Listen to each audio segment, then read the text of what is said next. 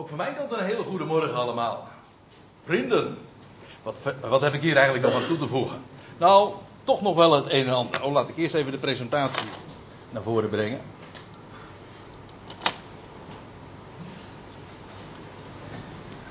Want de vorige keer, toen hebben we het hier met elkaar gehad, en dat was twee weken geleden, over de zonen Gods in Genesis 6. En dat was toch wel eigenlijk een bijzonder verhaal, want het is hoogst onbekend. Ik heb het ook weer gemerkt naar aanleiding van allerlei reacties die ik nadien kreeg.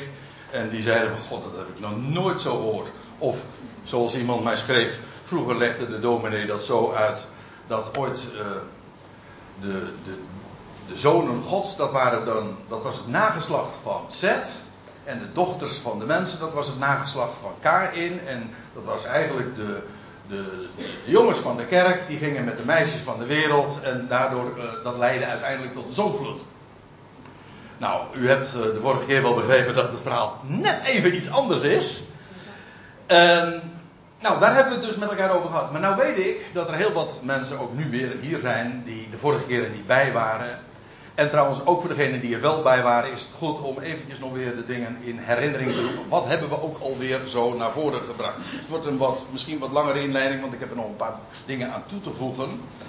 Maar even enkele highlights uit de voorgaande bespreking. We hebben het over de tijd voorafgaand aan de zondvloed. De laatste 120 jaren van Adams leven ik heb dat toen ook uitgelegd, dat ga ik nu niet uiteenzetten, maar degenen die het uh, nog eens een keertje willen bekijken en beluisteren, die uh, moeten eventjes naar de website van Goed Bericht. En dan kun je het allemaal weer terugvinden. Maar goed, uh, we hebben het over die, de laatste 120 jaar van Adams leven tot aan de zondvloed. En dat is pakweg een periode van 800 jaren geweest. En in die 800 jaren heeft er iets dramatisch, iets afschuwelijks plaatsgevonden. Want wat lezen we? De zonen Gods. Die kwamen tot de dochters van de mens, zo staat het er. En die vermenigvuldigden zich via hen op aarde. En over die zonen Gods hebben we het volgende uh, naar voren gebracht, zo eventjes samenvattend.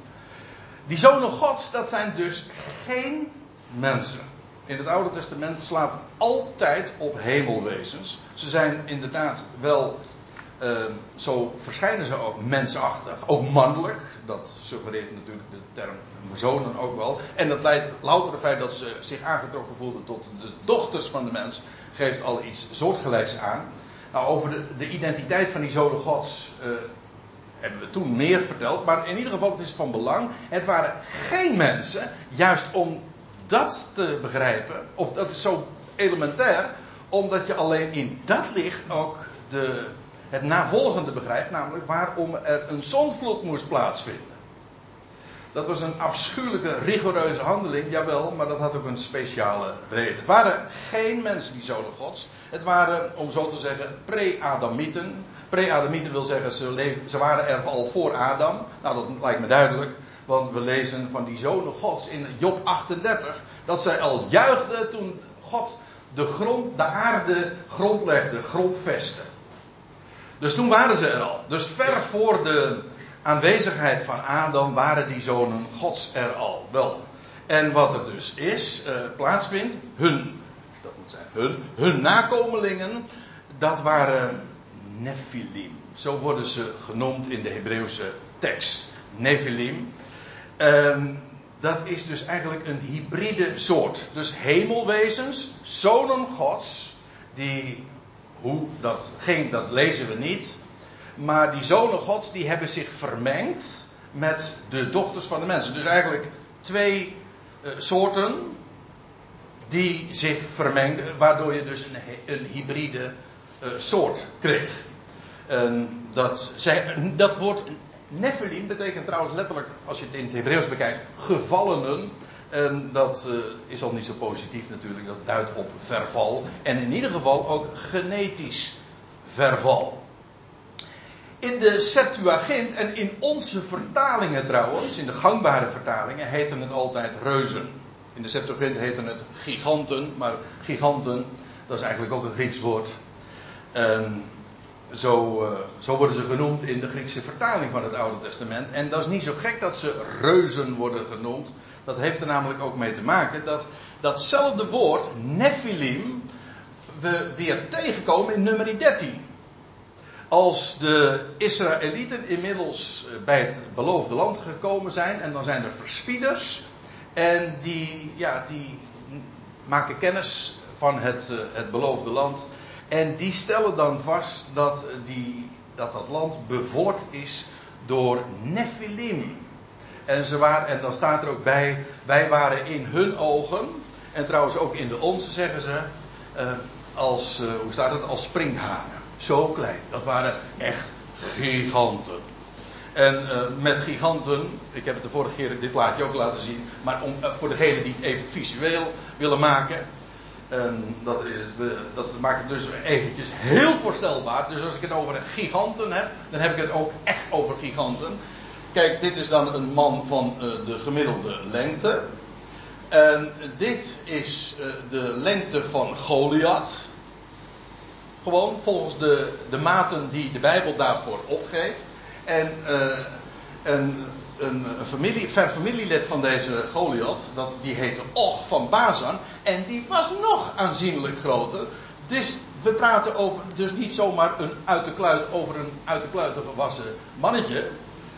Nee, we praten echt over giganten. Waar trouwens, en ik heb daar ook op gewezen, waar heel veel overleveringen wereldwijd uh, over spreken. Er zijn wereldwijde overleveringen inderdaad over een, over een vloed die de hele aarde om, omspand heeft. Maar er zijn ook uh, vele overleveringen, ook trouwens mythen en mythologieën, die allemaal spreken van een vermenging van, van hemelwezens en mensen. En met een afschuwelijke uh, gevolg, namelijk het voortbrengen van deze Nephilim. Bij de zondvloed lees je ook dat gedurende die 800 jaar tot aan de vloed zelf was heel de aarde verdorven. Er staat ook bij vol van verdorvenheid en staat er en geweldenarij. Um, er zijn ook andere bronnen die daarover spreken, maar ik laat dat even voor wat het is, want ik, ben, steek mijn hand niet uh, in het vuur voor de betrouwbaarheid daarvan. Maar in ieder geval, het vindt ook elders bevestiging.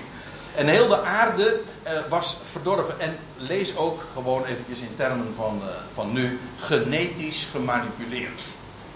En die andere bronnen waar ik zojuist eventjes op wees, bijvoorbeeld de apocryfe boek van Juda, nee, van Henoch. Die zegt ook dat trouwens niet alleen de mensen ge, genetisch gemanipuleerd waren, maar dat gold ook voor dieren en, uh, en planten zelfs. Ja, dus waar we nu mee bezig zijn, dat is eigenlijk helemaal niet zo nieuw. Het zou zijn als in de dagen van Noach staat er ergens. Ja. Maar van Noach lezen we, hij was, terwijl de hele aarde onberispelijk was, onber, uh, pardon, verdorven was, was hij onberispelijk. En in de context is het, uh, betekent dat niet alleen maar zo van hij geloofde zijn God, jawel, maar hij was ook gaaf. Dat wil zeggen onbedorven, genetisch, on, genetisch dus, erfelijk ook onbedorven. Nou, dat zijn enkele dingen die we de vorige keer uh, gezien hebben en daar borduren we nu op voort. Want we de vorige keer toen hebben we gesproken over Genesis 6 en nu gaan we, ga ik u meenemen naar enkele nieuwtestamentische passages. Maar eerst nog even een paar andere dingen. Want ik moet even iets rectificeren. Rectificeren, iets rechtzetten. Want ik heb er de vorige keer al op gewezen dat als je op internet zoekt uh, het woordje Nephilim intikt, dan krijg je heel veel informatie, maar ook heel veel desinformatie. Maar ik kon niet weten dat ik daar zelf uh, tijdens de presentatie nog weer het slachtoffer van werd. En gelukkig heb ik kritische kijkers en luisteraars. En daar ben ik ontzettend blij mee. Dat is veel waardevoller dan, dan ja-knikkers. Ik ben erg blij als u instemt met wat ik zeg, hoor daar niet van. Maar dan wel na kritisch te checken. Neem niks zomaar aan. In ieder geval, er was iemand die naar mij uh, toe, nee, niet naar me toe kwam. Ja, al naar me toe kwam. En later be, gaf die, stuurde die een mail. En die zegt: Weet je dat die, foto, die ene foto die jij liet zien, dat is een hoax. Het is gewoon gemanipuleerd. Dus, je hebt tegenwoordig erg veel nepnieuws, had je vroeger ook hoor. Wat vandaag natuurlijk helemaal zo ellendig maakt, is dat je afbeeldingen, gewoon foto's, gewoon van wat je ziet, en zelfs films en zelfs audiomateriaal, puur gewoon verzonnen is, gefaked is. En dat, de technieken die zijn nu zodanig dat, je, dat het niet van echt te onderscheiden is. Maar deze foto is aantoonbaar, die ik heb u, u laten zien, is gewoon nep, het is fake, het is onzin. Dus je kunt het gewoon weer droppen. Het is uh, een uh, in elkaar geflanste foto, gefotoshopt. Ja. Maar dat is dus fake. Dat wil ik graag even rechtzetten, want ik wil u de waarheid laten zien. Want ik, ik gaf toen even aan om te, dat er ook dus uh, reusachtige skeletten gevonden zijn. En dat kan best waar wezen, maar deze foto valt in ieder geval daar niet onder. Dus bij deze wil ik dat rechtgezet hebben, want ik wil u gewoon uh, de feiten laten zien. En dan was er nog iets, wil ik ook nog eventjes, het is allemaal nog inleiding, wil ik ook nog even vermeld hebben. En dat is dat, uh, nou, alleen al na, direct na de samenkomst denk ik dat er minstens zes, zeven mensen naar me toegekomen zijn. En die deze vraag stelden aan mij. En later heb ik hem nog een stuk of vijf, zes, zeven keer gehoord. Uh, dus ik dacht van, hé, hey, daar is een, kennelijk toch sprake van enige leemte. Uh, en ja, het was ook niet direct het onderwerp, maar uh, dat was deze vraag. Waar kwamen de Nephilim na de vloed vandaan? Want de zondvloed heeft toch een einde daaraan gemaakt. Dus hoe kan er dan weer sprake zijn in de dagen van, nou ja, van Jozua en dat, het, uh, dat in het land Canaan daar weer Nephilim waren? Waar kwamen die vandaan? Nou, laat, ik vind het. Uh, dit is eigenlijk een onderwerp dat nog eens een keertje apart besproken moet worden. Maar omdat het een erg uh, heet hangijzer was, vind ik dat ik niet daar zomaar aan voorbij kan gaan. Ik wil even een paar dingen in ieder geval als overwegingen meegeven. Feit nummer 1. Ja, dat durf ik dus te zeggen, dat is een feit. Alle Nephilim waren omgekomen in de vloed. Lijkt me duidelijk. Ik heb zelfs geen tekst erbij genoemd, maar het lijkt me vrij evident. Er zijn namelijk te veel teksten die ik daarbij zou kunnen noemen. Feit 2, en dit is trouwens wat omstreden wat ik nu zeg, maar dat, ja, want heel vaak wordt er gezegd van ja, eh, na de zondvloed zijn de zonen gods opnieuw weer gekomen op aarde, die hebben zich vermengd. Maar ik moet er eens bij zeggen, dat kun je wel zeggen, het staat nergens. Nooit lezen we van een latere vermenging van zonen gods met de dochters van de mens. Het lijkt me zelfs uitgesloten, want, uh, nou ja, de, de redenen daarvoor die komen straks uh, eigenlijk nog wel aan de orde wanneer we het uh, hebben over Judas en over Petrus brieven. En dan hebben we nog een feit. Want u zegt van ja, maar er is geen antwoord. Nee, maar ik zet eventjes een paar feiten op, op een rijtje. Alle nevelim waren omgekomen in de vloed. We lezen niet meer van een latere vermenging van zonen God met de dochter van de mens.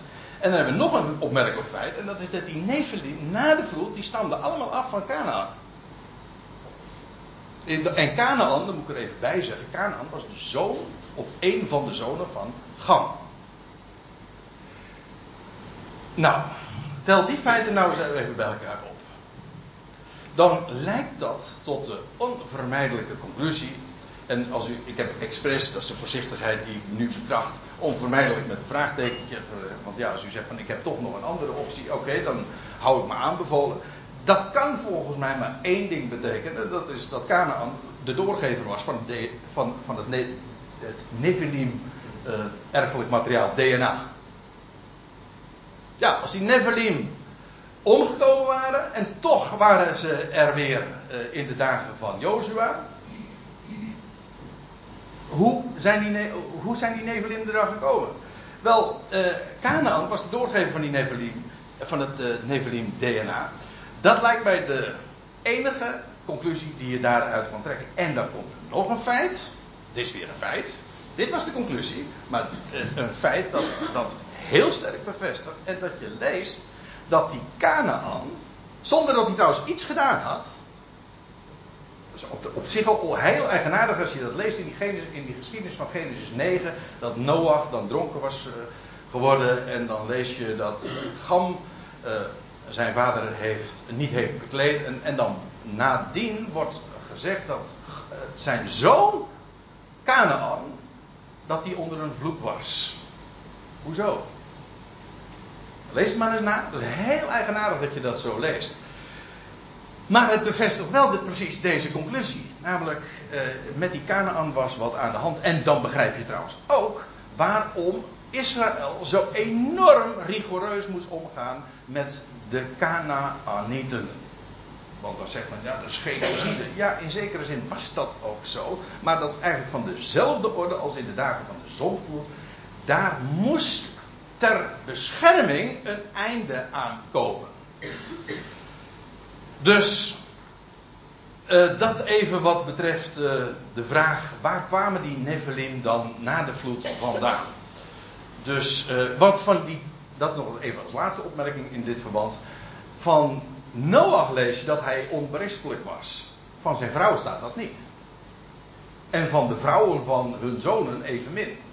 Dus, ja, hoe is dat dan, dan toch weer bij Canaan terechtkomen? via Gam? Nou, waarschijnlijk omdat hij erfelijk uh, besmet of belast was, om zo te zeggen. Dat lijkt me de enige conclusie daaruit. En uh, ik zei al, ik, we, we, moeten daar nog eens een keertje bij een andere gelegenheid op terugkomen.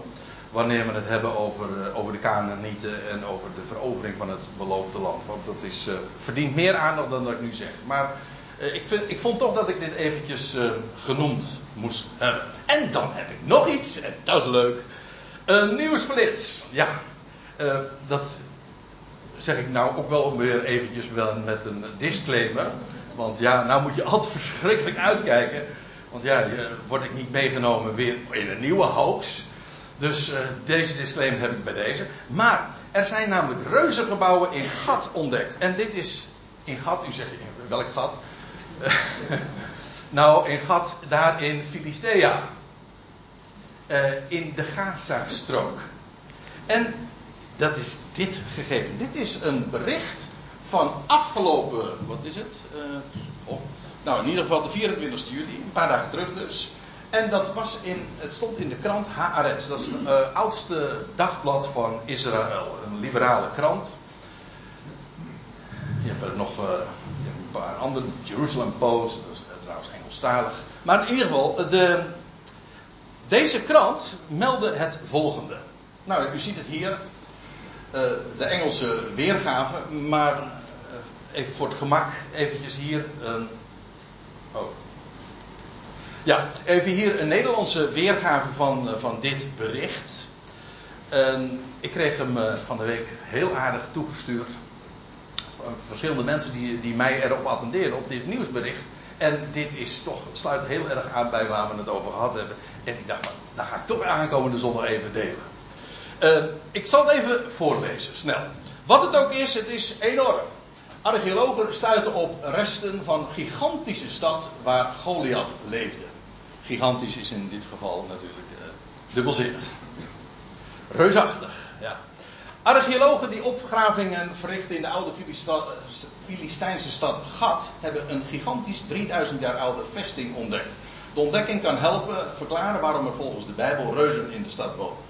De ongekend grote ruïnes zijn in de afgelopen maanden blootgelegd en bevinden zich een meter onder ruïnes die al waren ontdekt.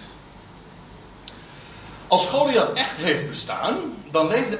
Dat is dus de Haaretz, die gaat daar. Uh, het is een liberale krant, absoluut niet orthodox. Daarom vind ik dit trouwens op zich wel weer een, een, uh, een bron die dus in dit geval ook onverdacht is. Gewoon een liberale krant die dit bericht en die vertelt over uh, deze dingen. Als Goliath echt heeft bestaan, voor hun vraag, voor ons niet. Uh, dan leefde hij waarschijnlijk hier, schrijft de krant Haaretz. Nou, waarschijnlijk, dat weet ik zeker, want het staat gewoon in de Bijbel dat het een Gatiet was. Dus. Oké, maar dat. Ja, soms weet je. Nou ja. Uh, ik doe hier al 23 jaar opgravingen en deze plek verrast me nog steeds, zei professor Aaron Maier van de Bar Ilan Universiteit. In Jeruzalem is dat, geloof ik. Maar goed, dat weet ik zeker. Al die tijd lag er een oudere, reusachtige stad verborgen onder de stad die we al hadden opgegraven, voegde hij toe. De vindplaats in het zuiden van Israël, die in de Bijbel vaker wordt genoemd dan de vijf andere grote Filistijnse steden, wordt ook wel Tel es Safi genoemd. Naar verluid werd de ark van het verbond enige tijd bewaard in Gat. Ook dat staat inderdaad in de Bijbel vermeld. Archeologen stuiten onder meer op enorme muren die op sommige plekken 4 meter dik waren. Enorm. Nergens anders in de Levant, dat is. Ik moest zelf ook even opzoeken, maar dat Levant dat is dit gebied in het Midden-Oosten. Uh, nergens anders in de Levant zijn zulke kolossale structuren gevonden uit deze periode, al dus deze hoogleraar Maïr. Wat het ook is, het is enorm, zei hij tegen de krant. Overigens is Goliath niet de enige reus die in de Bijbel wordt genoemd. Overal vindt men verwijzingen naar mysterieuze reuzenmensen, waaronder de Refaim, Refaïten in de Bijbel, en de Anakieten, of de Anakim. Meir merkte echt op dat hij nog niet op skeletten is gestuurd. Waarvan acte? Dus geen fotootje ervan. Nee, nee die eh, valt, daar uh, trap je maar één keer. Nou, is dat niet eigenaardig? Dat is dus over die Nephilim die uh, na de zondvloed er waren in het land. En dit nieuwsfeit uh, nou, sloot erg aan op onze Bijbelstudies. Dus, en nou, en nou pas begint de Bijbelstudie. Gewoon. Want vandaag bespreken we, eh, dat zou ik de vorige keer al gedaan hebben, en uh, daar zijn we dus niet aan toegekomen. Drie nieuwtestamentische passages die alle drie verwijzen naar de geschiedenis die verhaald wordt in Genesis 6, namelijk over de zonen Gods die zich vermengden met de dochters van de mens. En dat is in de eerste plaats 1 Petrus 3, dan gaat het over de geesten in de gevangenis. En in de tweede plaats uh, een passage in 2 Petrus 2 over de gevallen engelen in de Tartarus. Ja, zo hoor je nog eens nieuwe termen. De Nephilim, de Tartarus. Uh, en ten slotte in de brief van Judas, dat maar één hoofdstukje telt, over, de, over engelen die hun oorsprong ontrouw werden. Alle drie deze passages, dat wil ik laten zien vanmorgen, verwijzen naar de geschiedenis die in Genesis 6 wordt vermeld. Nou, eerst naar 1 Petrus 3. De geesten in de gevangenis. En dan begin ik te lezen bij vers 18 in 1 Petrus 3. Daar gaat, ja, ik, val midden in de zin, daar lees je over de Heer Jezus Christus, is in het vlees gedood, maar in geest levend gemaakt. Dat is precies het fenomeen waar mijn broer Dirk het zojuist ook over had. Namelijk de rups die sterft en er komt iets nieuws uit voort, namelijk uh, een vlinder van een totaal andere orde. Niet vlees en bloed, maar geest. Pneuma, een pneumatisch lichaam, zoals Paulus daar ook over spreekt. En Jezus Christus, hij is opgestaan uit Hij is levend gemaakt. Pneumatisch, in geest. En dan gaat het dus over de Heer Jezus in zijn opstanding. En dan staat er waarin hij, namelijk in geest, ook heen gegaan zijnde, aan geesten in de gevangenis proclameerde een herautboodschap uh, meegaf. En dan wordt er gezegd aan geesten in de gevangenis. En dan zal ik u iets vertellen. Kijk het maar na. In de Bijbel worden mensen nooit geesten genoemd.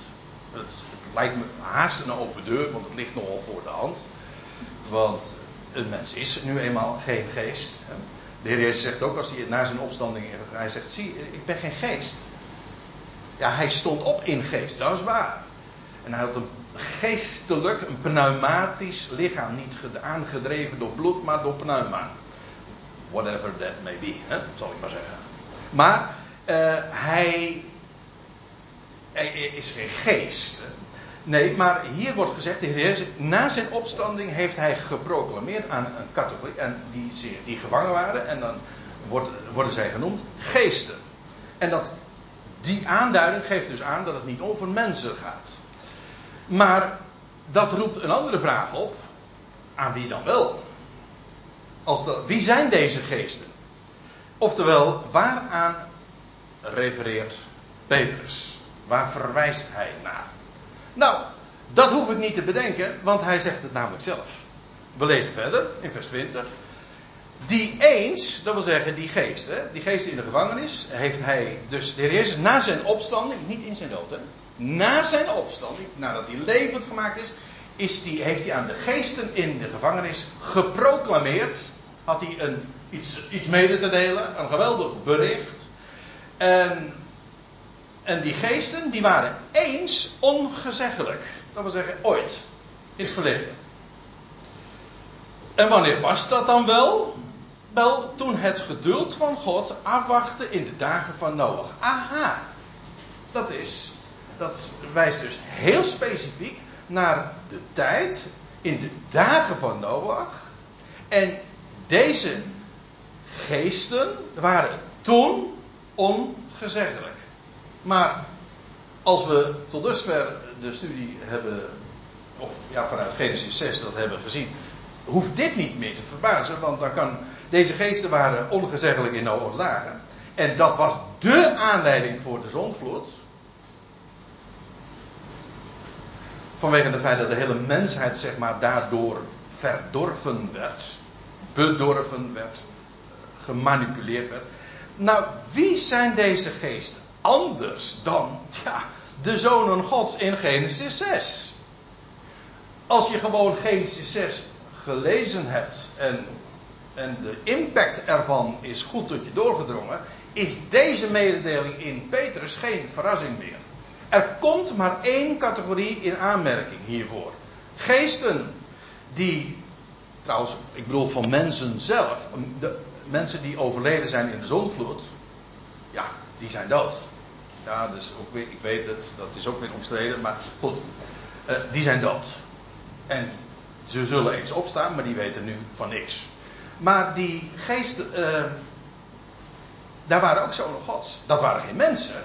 Nee, dat, dat waren hemelwezens, zonen dat waren de zonen gods, maar die zijn mens geworden of mensachtig geworden en die hebben zich dus vermengd. Hoe dan ook. En ja, dat zijn, die, dat zijn de zonen gods in Genesis 6 en dat is ook precies, zijn de geesten waar Petrus het hier over heeft. Ter, daar staat er ook bij, terwijl de ark toebereid werd, waarin weinigen, dat is acht zielen, moet je nagaan. Hè? Over een, uh, je je wel een soort, dat even voor. Over de, de meerderheid die altijd een hele een bepaalde mening heeft, is het handig om af te wijken van de mening van, van wat iedereen zegt.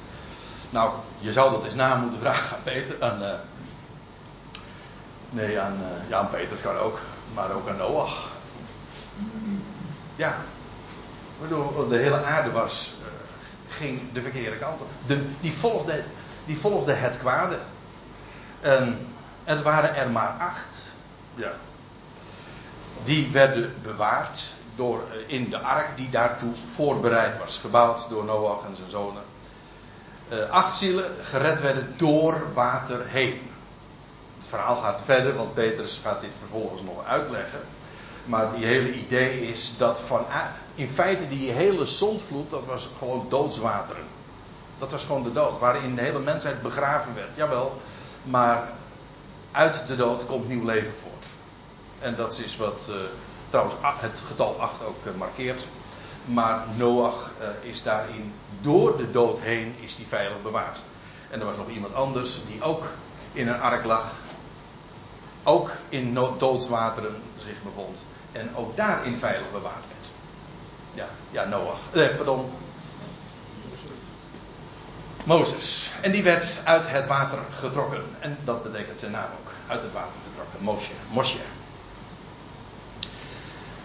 Oké, dat is dus getuige nummer 1 in het Nieuwe Testament van Petrus, die inderdaad onmiskenbaar verwijst naar de geschiedenis van Genesis 6.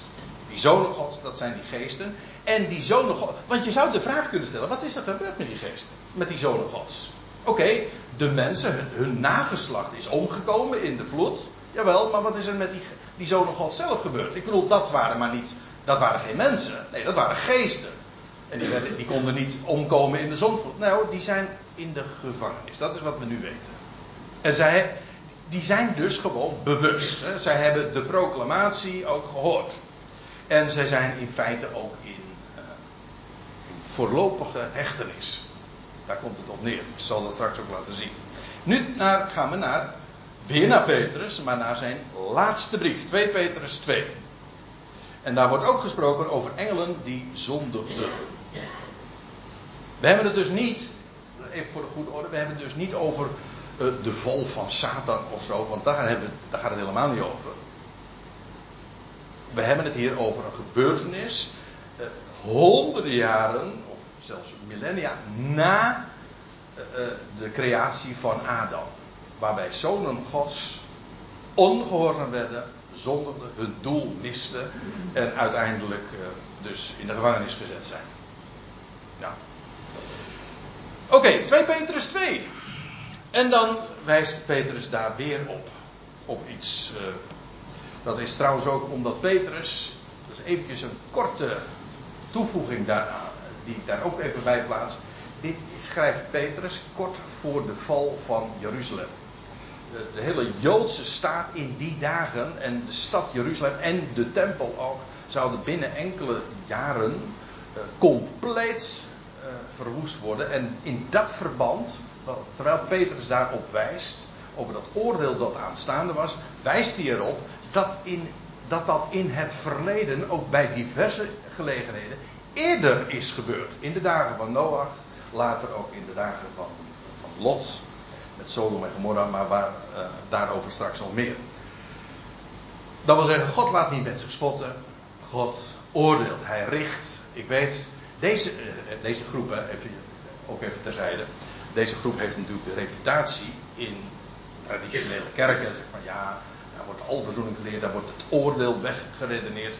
Nou, daar denk ik van, dat is absoluut niet aan de orde. Integendeel, de schrift spreekt over een God die richt en over, die oordeelt. En dat soms ook totaal niet zachtzinnig doet. Het enige punt is, Oordeel heeft in de Bijbel nooit het laatste woord. Het is altijd maar deel uit van een proces waarbij God de dingen recht gaat zetten. Pijnlijk soms, maar niettemin, dat is het einddoel. Dus je moet altijd goed realiseren dat als we het hebben over straf en over oordeel, dan hebben we het over een proces. Het eindpunt is altijd Gods ontferming. Als je dat niet begrijpt, dan begrijp je, kent de evangelie niet. Ja, dat is erg hard, zwart-wit, maar dat is echt zo. Het evangelie is de boodschap. Hij redt allen. Maar dat doet hij eventueel door gerichten heen. Dus over zo'n gericht hebben we het eigenlijk deze twee uh, studies, deze twee uh, zondagen ook. Namelijk de, die, die, afschuwelijke gebeurtenis in de dagen van Noach. Ja. Maar het is een, foto, hè? het is een, een momentopname. Het is niet het definitieve. Nou, dat moet ik even gezegd hebben. 2 Petrus 2, vers 4. Want indien God engelen, boodschappers, maar het gaat hier inderdaad over hemelwezens, dat blijkt ook uit het vervolg. Engelen die zondigden, niet spaarden, maar, ja, die engelen dat zijn dus die zonen Gods. In 1 Petrus 3 werden ze geesten genoemd. En hier, en trouwens ook in Judas, dat we straks zullen zien, worden ze engelen genoemd.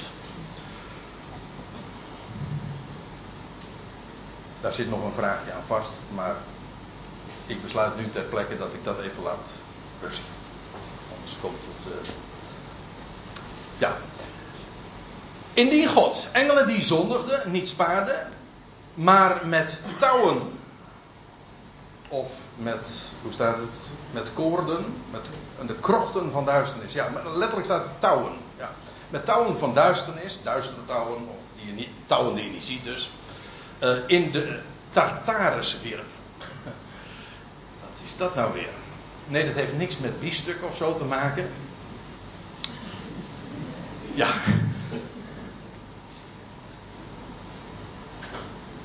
In de, dit woord, in de NBG-vertaling wordt het vertaald met afgrond. In de Statenvertaling weet ik eigenlijk niet. Hel. Oh ja. Maar ja, dan hel. Hel. Nou, dat zag je dan moet je altijd vragen welke hel. Want in de, in de Statenvertaling komt het woordje hel. Is de weergave van de Gehenna, van Tartarus. Wat is het nog meer? Hades. Heel goed, dankjewel. De, ja, dat is echt een, een zooitje. Om het eventjes plat Rijnsburgs te zeggen. Ja. Dus, uh, nee, er staat gewoon Tartarus. En waarom heb ik dat onvertaald gelaten? Kijk, dit woord komt maar één keer voor. In de schrift. Maar ik moet erbij zeggen, als Petrus dit gebruikt, was dat voor zijn lezers absoluut niet onbekend. Want het is namelijk een term die zeer bekend is in de Griekse mythologie. Petrus refereert dus uit een term die bekend was in de Griekse mythologie. Maar ik had het er al over, in de Griekse mythologie eh, wemelt het van verhalen. Sterker nog, eigenlijk is dat hele, het hele idee van, van, eh, van, van, al die mythologieën. loopt dus een rode draad door, door al die geschiedenis. Ik ken er helemaal niet zo gek veel, maar dat weet ik wel. Namelijk dat hemelwezens zich vermengden met, met mensen. En daar is heel veel van verzonnen. Ja, maar de kern ervan, het heeft wel een historische achtergrond. Dat blijkt ook hier. Petrus verwijst naar die Tartarus. Het is een term uit de Griekse mythologie. En wat blijkt? De Tartarus. In de Bijbel vind je dus verder geen uitleg. Dus Petrus verwijst naar een term uit de Griekse mythologie. En daar is de, de term waar geest. De Tartarus is de plaats waar geesten gevangen worden, worden gehouden. En dat houdt vooral verband met. Uh, kijk, u kunt het gewoon in, Wikipedia nalezen hoor. Kijk maar Tartarus. En dan zul je dit zien. Dat is de plaats waar geesten gevangen gehouden worden. In de Griekse mythologie. En dat houdt verband met de Titanen. Maar Titanen. Dat zijn reuzen. Ja, de, dat verhaal van de Titaan. En trouwens van de Titanic ook. Die ligt ook in de afgrond trouwens. De Titanic. Het reusachtige schip. Ja. Nou, dus hier ook de, de, de titanen die zijn daar in de, in de afgrond gekomen. Dat zijn die reuzen. En uh, in, in, verband met dat, met die geschiedenis, of met dat gegeven, wordt uh, dat genoemd door Petrus. Dus Paulus, of neem ik aan. Petrus zegt, God heeft in het verleden engelen die zondigden, dolmisten of gehoorzaam waren, heeft ze niet gespaard. En ze worden nu in de Tartarus, ergens in de afgrond, waar dat dan verder ook wezen mogen, daar worden ze bewaard en gevangen gehouden. En die plaats, de Tartarus, herinnert inderdaad aan de Griekse mythologie van vermenging van mensen en, en, en engelen. En met titanen. Daar houdt de term Tartarus mee verband. Dat moet je, die, dat moet je gewoon weten. Want de Bijbel zegt er verder helemaal niks over. Petrus verwijst door het gebruik van dit woord naar de Griekse mythologie. Dus dit moet je weten. En er staat erbij, eh, met touwen van duisternis in de Tartarus wierg, overgeleverd om bewaard te worden voor het oordeel. Dus het is eigenlijk allemaal nog uh, voorlopige hechtenis, dus ja. Ehm, het eigenlijke gericht vindt nog over hen plaats. Zo worden ze eh, bewaard. Er wordt verder ook niet over foltering of dergelijke gesproken. Ze worden daar gewoon bewaard.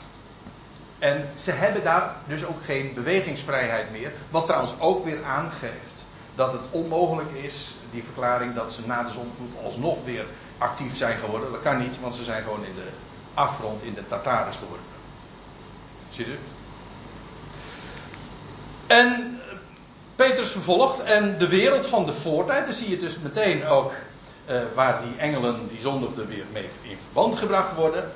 Uh, die nu in de Tartarus zijn en die daar uh, over zijn overgeleverd om bewaard te worden. En de wereld van de voortijd niet spaarde, maar het achttal van Noach. Hier, dit is eigenaardig hè, want hier wordt weer over niet sparen gesproken. De engelen die zondigden, die werden niet gespaard. Zij werden in de Tartarus geworpen. En de wereld van de voortijd, de rest, die is gewoon omgekomen. Gewoon, eh, die is zo, gewoon is dat niet. Maar die zijn omgekomen in de vloed. Maar in beide gevallen heeft God hen niet gespaard. Dat is eigenlijk wat Petrus hierin doorgeeft. Behalve dan het achttal van Noach. Hij was de prediker van rechtvaardigheid.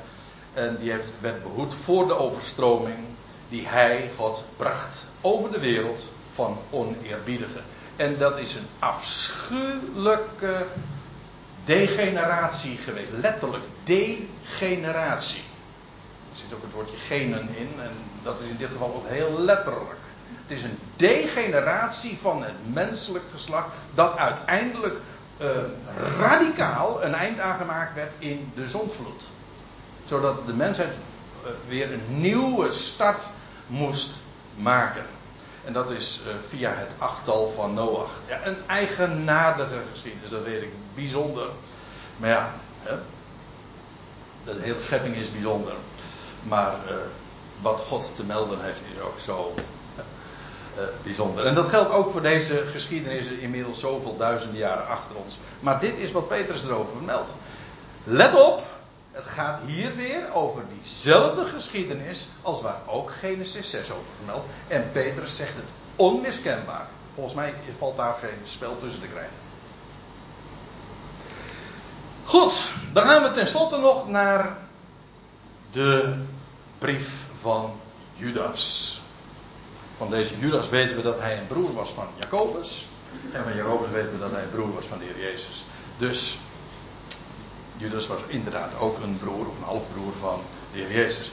En hij heeft een klein briefje achtergelaten. Ook trouwens met dezelfde achtergrond als de tweede Petersbrief. Ook, wij, ook hij wijst over het oordeel, over de, de, het drama dat aanstaande was. En hoe God een einde zou gaan maken aan de Joodse staat en over de stad Jeruzalem. En feitelijk ook over het Jodendom. Goed, dat is de, de context. En dan schrijft Judas dit. En ik val hier opnieuw midden in de zin, in vers 6. En daar wordt er gesproken over engelen die hun oorsprong niet bewaarden. In 2 Peters werd er gesproken, ze zondigden. En in 1 Petrus 3 was gezegd, die engelen die waren ongezeggelijk in de dagen van Noach. En hier staat, ze hebben hun oorsprong niet bewaard. Maar voeg nou deze gegevens allemaal eventjes bij elkaar. En je krijgt exact weer het plaatje van Genesis 6. Namelijk over zonen gods die geen zonen god bleven, maar zich vermengden met de dochters van de mensen. Van de mensheid. Ze bewaarden hun oorsprong niet. Dat wil zeggen, ze hun een oerpositie verlieten zij. Hè? Er staat ook bij, die hun oorsprong niet bewaarden, maar hun eigen woning achterlieten. En dat, was, dat, werd, dat werd hen ook hoogst kwalijk genomen. Wat ze hier feitelijk deden, is ze verlieten de positie die God hen had gegeven. Hun oorsprong, die God hen had gegeven, bewaarden ze niet, maar ze gingen hun eigen, uh, hebben hun eigen woning uh, achtergelaten. Ik ben er nog niet helemaal uit, maar dit zou kunnen betekenen, verwijzen het feit dat ze eh, naar de aarde gegaan zijn. Dat is één verklaring. De andere verklaring is dat ze niet in hun eigen lichaam zijn gebleven. Of dat ze dat hebben getransformeerd of whatever. Ik weet het niet. Maar in ieder geval, ze zijn hun oorsprong niet, hebben ze niet bewaard. En hun eigen woning hebben ze achtergelaten. En om die reden, ja, ook opnieuw zeg ik weer, er komt maar één geschiedenis eh, hiervoor in aanmerking. Ik daag u uit. Als u zegt, ik ben het niet eens met, met wat jij hierover zegt en dat je het in verband met, met, brengt met Genesis 6, eh, over die zonen gods en de dochters van de mens. Als u zegt, ik ben het er niet mee eens, even goede vrienden. Maar dan daag ik je wel uit om te zeggen, mag jij me vertellen waar het wel naar verwijst? Ik heb daar nog nooit één, zelfs maar één zinnige poging toe uh, gelezen. Er komt maar één geschiedenis voor in aanmerking. Namelijk de zonen gods die zich vermengden met de dochters van mens. Daarvoor heeft ook Judas het over. Engelen die hun oorsprong niet bewaarden, maar hun eigen woning achterlieten.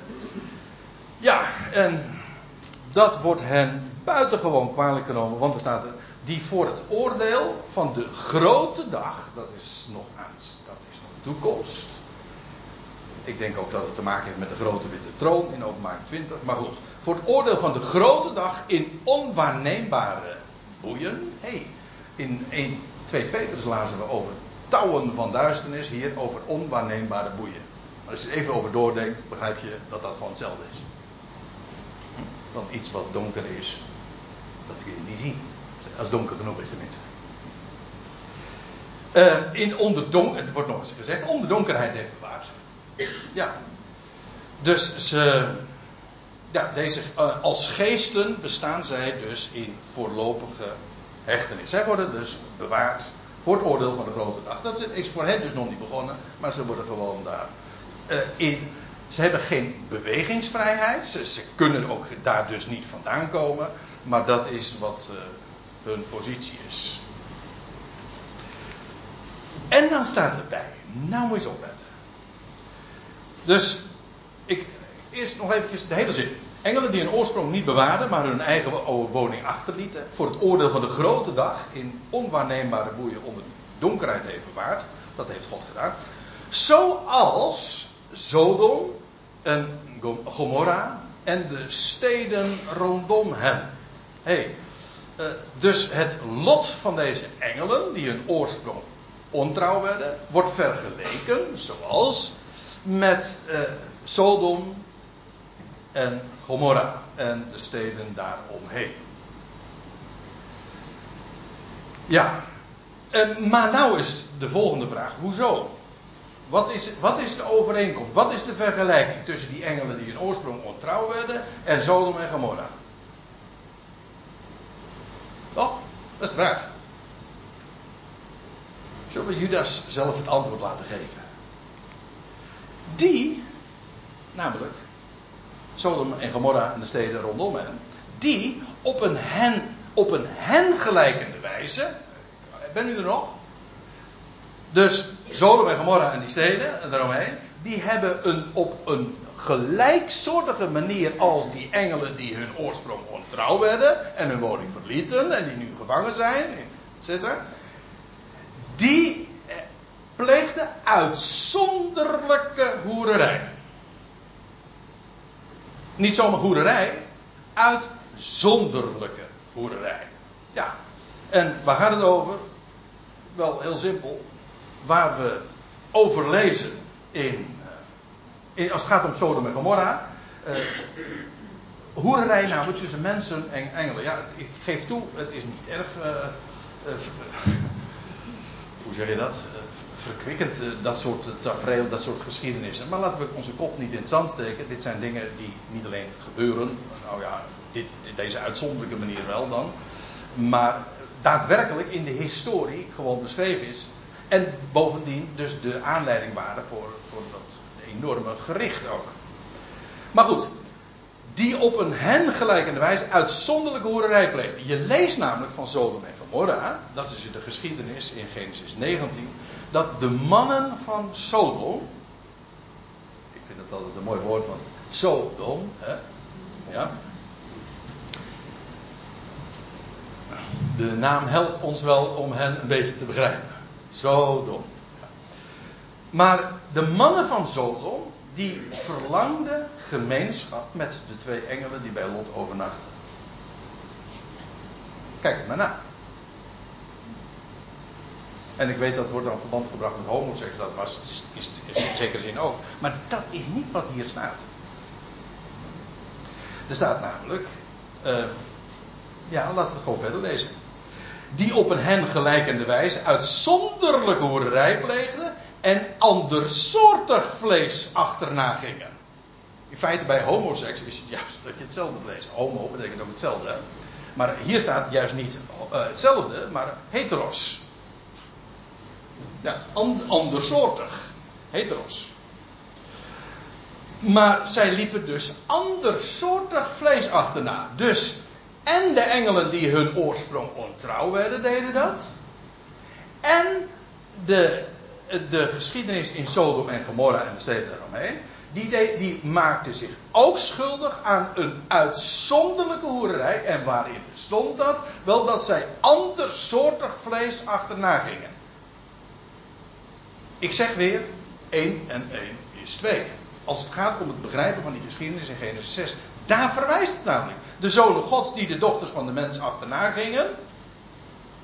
En in Genesis 19 de mannen van Sodom die engelen achterna gingen. Andersoortig vlees.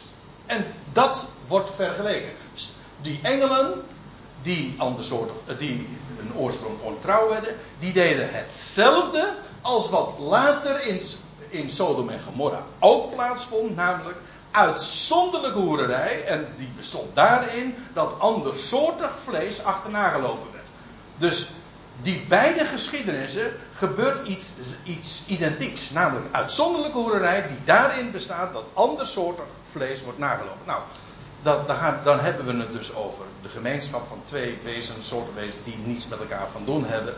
En, of, en dat niet hoort plaats te vinden. In dit geval hemelwezens zonen gods, engelen, nou ja, er zijn diverse namen dus, die zich vermengen met mensen, seksuele gemeenschap. En dat is waar het over gaat. Inderdaad, uitzonderlijke hoerderij. En andersoortig vlees achterna gingen. En daar staat er nog bij, en nou gaat het over die, die steden van Sodom en Gomorra en de steden eromheen. Die liggen daar als toonbeeld, steeds, daar liggen, hè, tegenwoordige tijd. Je ziet dat hier. Nog steeds liggen die steden daar als toonbeeld van eonisch vuur. Eeuwig vuur. Ik zeg altijd expres met een soort spraakgebrek eeuwig vuur. Om een streepje tussen dat eeuw en de rest van het woord te suggereren. Want het heeft namelijk verband met eeuw. Een tijdlijn. Een aion. En dat is eigenaardig. Moet je, uh, dit is het laatste trouwens dat ik daarover uh, te melden heb. Maar Sodom en Gomorra, die, die zijn, liggen onder een toonbeeld of een voorbeeld uh, van Ionisch vuur. En ga nou eens een keertje naar uh, Sodom en Gomorra toe. Brandt er daar nog wat? Nee. Maar ik kan u wel vertellen. Uh, dit, dit is, een, dit is in het zuiden van de Dode Zee. Dat was ooit, moet je voorstellen dit gebied, wat je hier ziet, het plaatje is niet zo helder als dat dit op mijn computerscherm is. Maar dit gebied, dit was ooit als de Hof van Eden. Dat niet dik, dat staat in Genesis 9 of 18. Buitengewoon vruchtbaar in de Jordaanvallei. En, die, en de steden die daar waren, Sodom, Gomorra, maar ook nog andere steden eromheen, ze worden ook bij name genoemd die zijn compleet in de as gelegd. En het heeft geregend, vuur en zwavel. En ga naar die gebieden toe. En weet je wat je ziet? Nou, niks meer. Behalve alles is in de as. En het wemelt daarvan zwavel. Ik heb dat verhaal gehoord van mensen die daar ook geweest zijn en daar ook rondleiding hebben gegeven. Voor overal zie je, zie je gewoon zwavel. Dat brandend uit de hemel is gekomen. En ja, wellicht ook uh, na een vulkaaneruptie. Doet even niet de zaken. Maar in ieder geval, het is van boven neergedaald. En die dat hele gebied is in, in, de, ja, in vuur en zwavel uh, verbrand. En die hele, nou, het heet niet van niks nu de Dode Zee. Het is, het is eigenlijk een embleem van dood. En dus zelfs in die hele zee is er niks meer levens te, te vinden. Nou, wat Judas hier zegt, wat je hier nu ziet, dit is een voorbeeld van Ionisch vuur. Wil je weten wat Ionisch vuur Dit hier heeft ooit vuur neergedaan. En wat is er van overgebleven? Dit. Maar nou ga ik nog wat vertellen. Ik kan het niet nalaten. Ik kan het niet nalaten, want het is een beetje buiten mijn onderwerp. Dit gebied, geloof het of niet, dit wordt eens weer helemaal hersteld. Ik heb er niet eens een tekst van bij, maar er staat gewoon letterlijk in Ezekiel 16. Het zal weer in zijn oorspronkelijke staat worden hersteld. En die Jodenzee, kan ik er ook nog even bij vertellen, als bonus. Ja, alsof ik het zelf verzin, maar nee, het is gewoon in de schrift. Hè. Die Jodenzee wordt weer een levende zee. En er komen weer vissersplaatsen. En weet u wat ik zo leuk vind? De Bijbel vermeldt al de namen van de vissersplaatsen die daar straks zullen komen. De Bijbel voorspelt niet, de Bijbel voorzegt. Zo zal het gaan. En iemand zei een keertje: uh, het gebeurt niet omdat de Bijbel het zegt. Maar die zei: omdat het gebeurt, zegt de Bijbel het. Dat is een doordenkertje trouwens. Ik wil er ook maar mee zeggen. God laat niet met zich spotten. Deze dingen heeft hij gedaan. Dit vuur heeft catastrofaal werk gedaan. Jawel. Maar het is ionisch. Niet eeuwig wat je altijd is bijgebracht. Hè, uh, vanuit de kerkelijke historie. Eeuwig, eindeloos. Helemaal niet. Dit is een voorbeeld van ionisch vuur. Komt, is dat eindeloos? Komt er nooit meer een einde aan? Nou, A, het vuur brandt niet meer. Dat is één ding. En bovendien, dit gebied, Sodom en Gomorra en die steden eromheen, dat hele gebied zal weer in volle glorie hersteld worden straks in de komende eeuw. Dat is Gods plan. Dat gaat hij bewerken. Waarom? Ja, hij brengt leven voort uit de dood. En ik, uh, ik verwees zojuist naar 1 Petrus dat de Heer Jezus na zijn opstanding al aan die geesten heeft geproclameerd. Het leven overwint. En de God van de Bijbel, hij verklaart, op, en op zijn woord kun je absoluut bouwen. Zullen we dat